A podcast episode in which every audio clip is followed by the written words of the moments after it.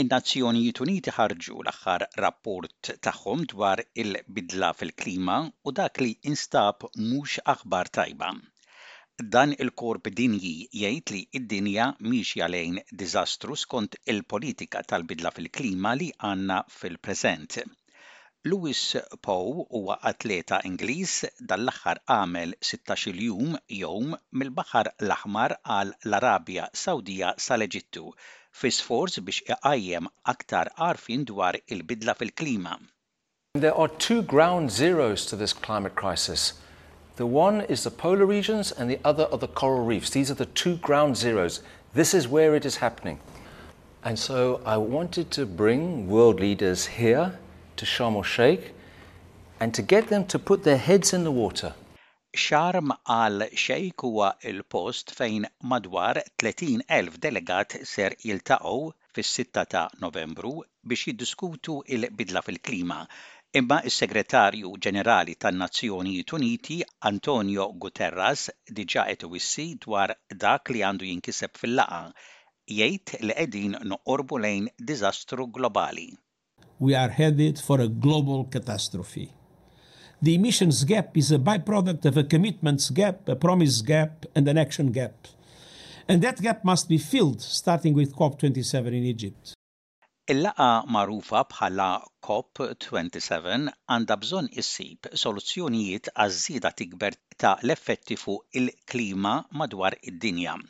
Ħafna partijiet ta' l-Ewropa, per eżempju, għaddejjin minn temperatura tas-sajf meta suppost il-ħarifa, inkluża Spanja fejn kellhom l-aktar xahar sħun mindu bdew jinżammu r-rekords.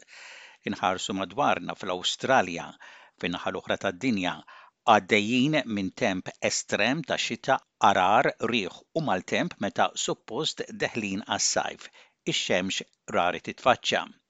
L-espert tat-temp Franċiż, Frederick Neyten jgħid li dawn it-tip ta' staġuni sħan mhumiex xi ħaġa rari imma fl-aħħar snin huwa ċar li d-dinja qed tisħon aktar. Effectivement, les températures The temperatures are getting higher and higher. We can see it. We can observe it.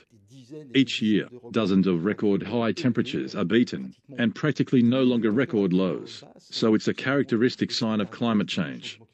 And once again, this year is completely exceptional in that regard.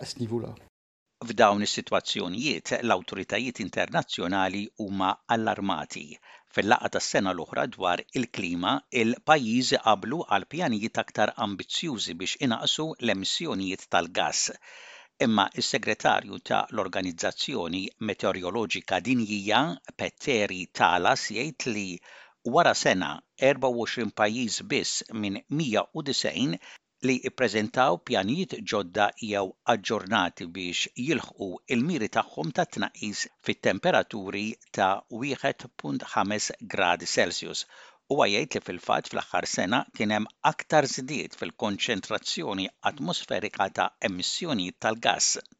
So the carbon dioxide concentrations uh, keep on uh, growing and uh, we were publishing a couple of months ago a report uh, where we showed that uh, we have already exceeded the emissions of 2019 during the early part of this year.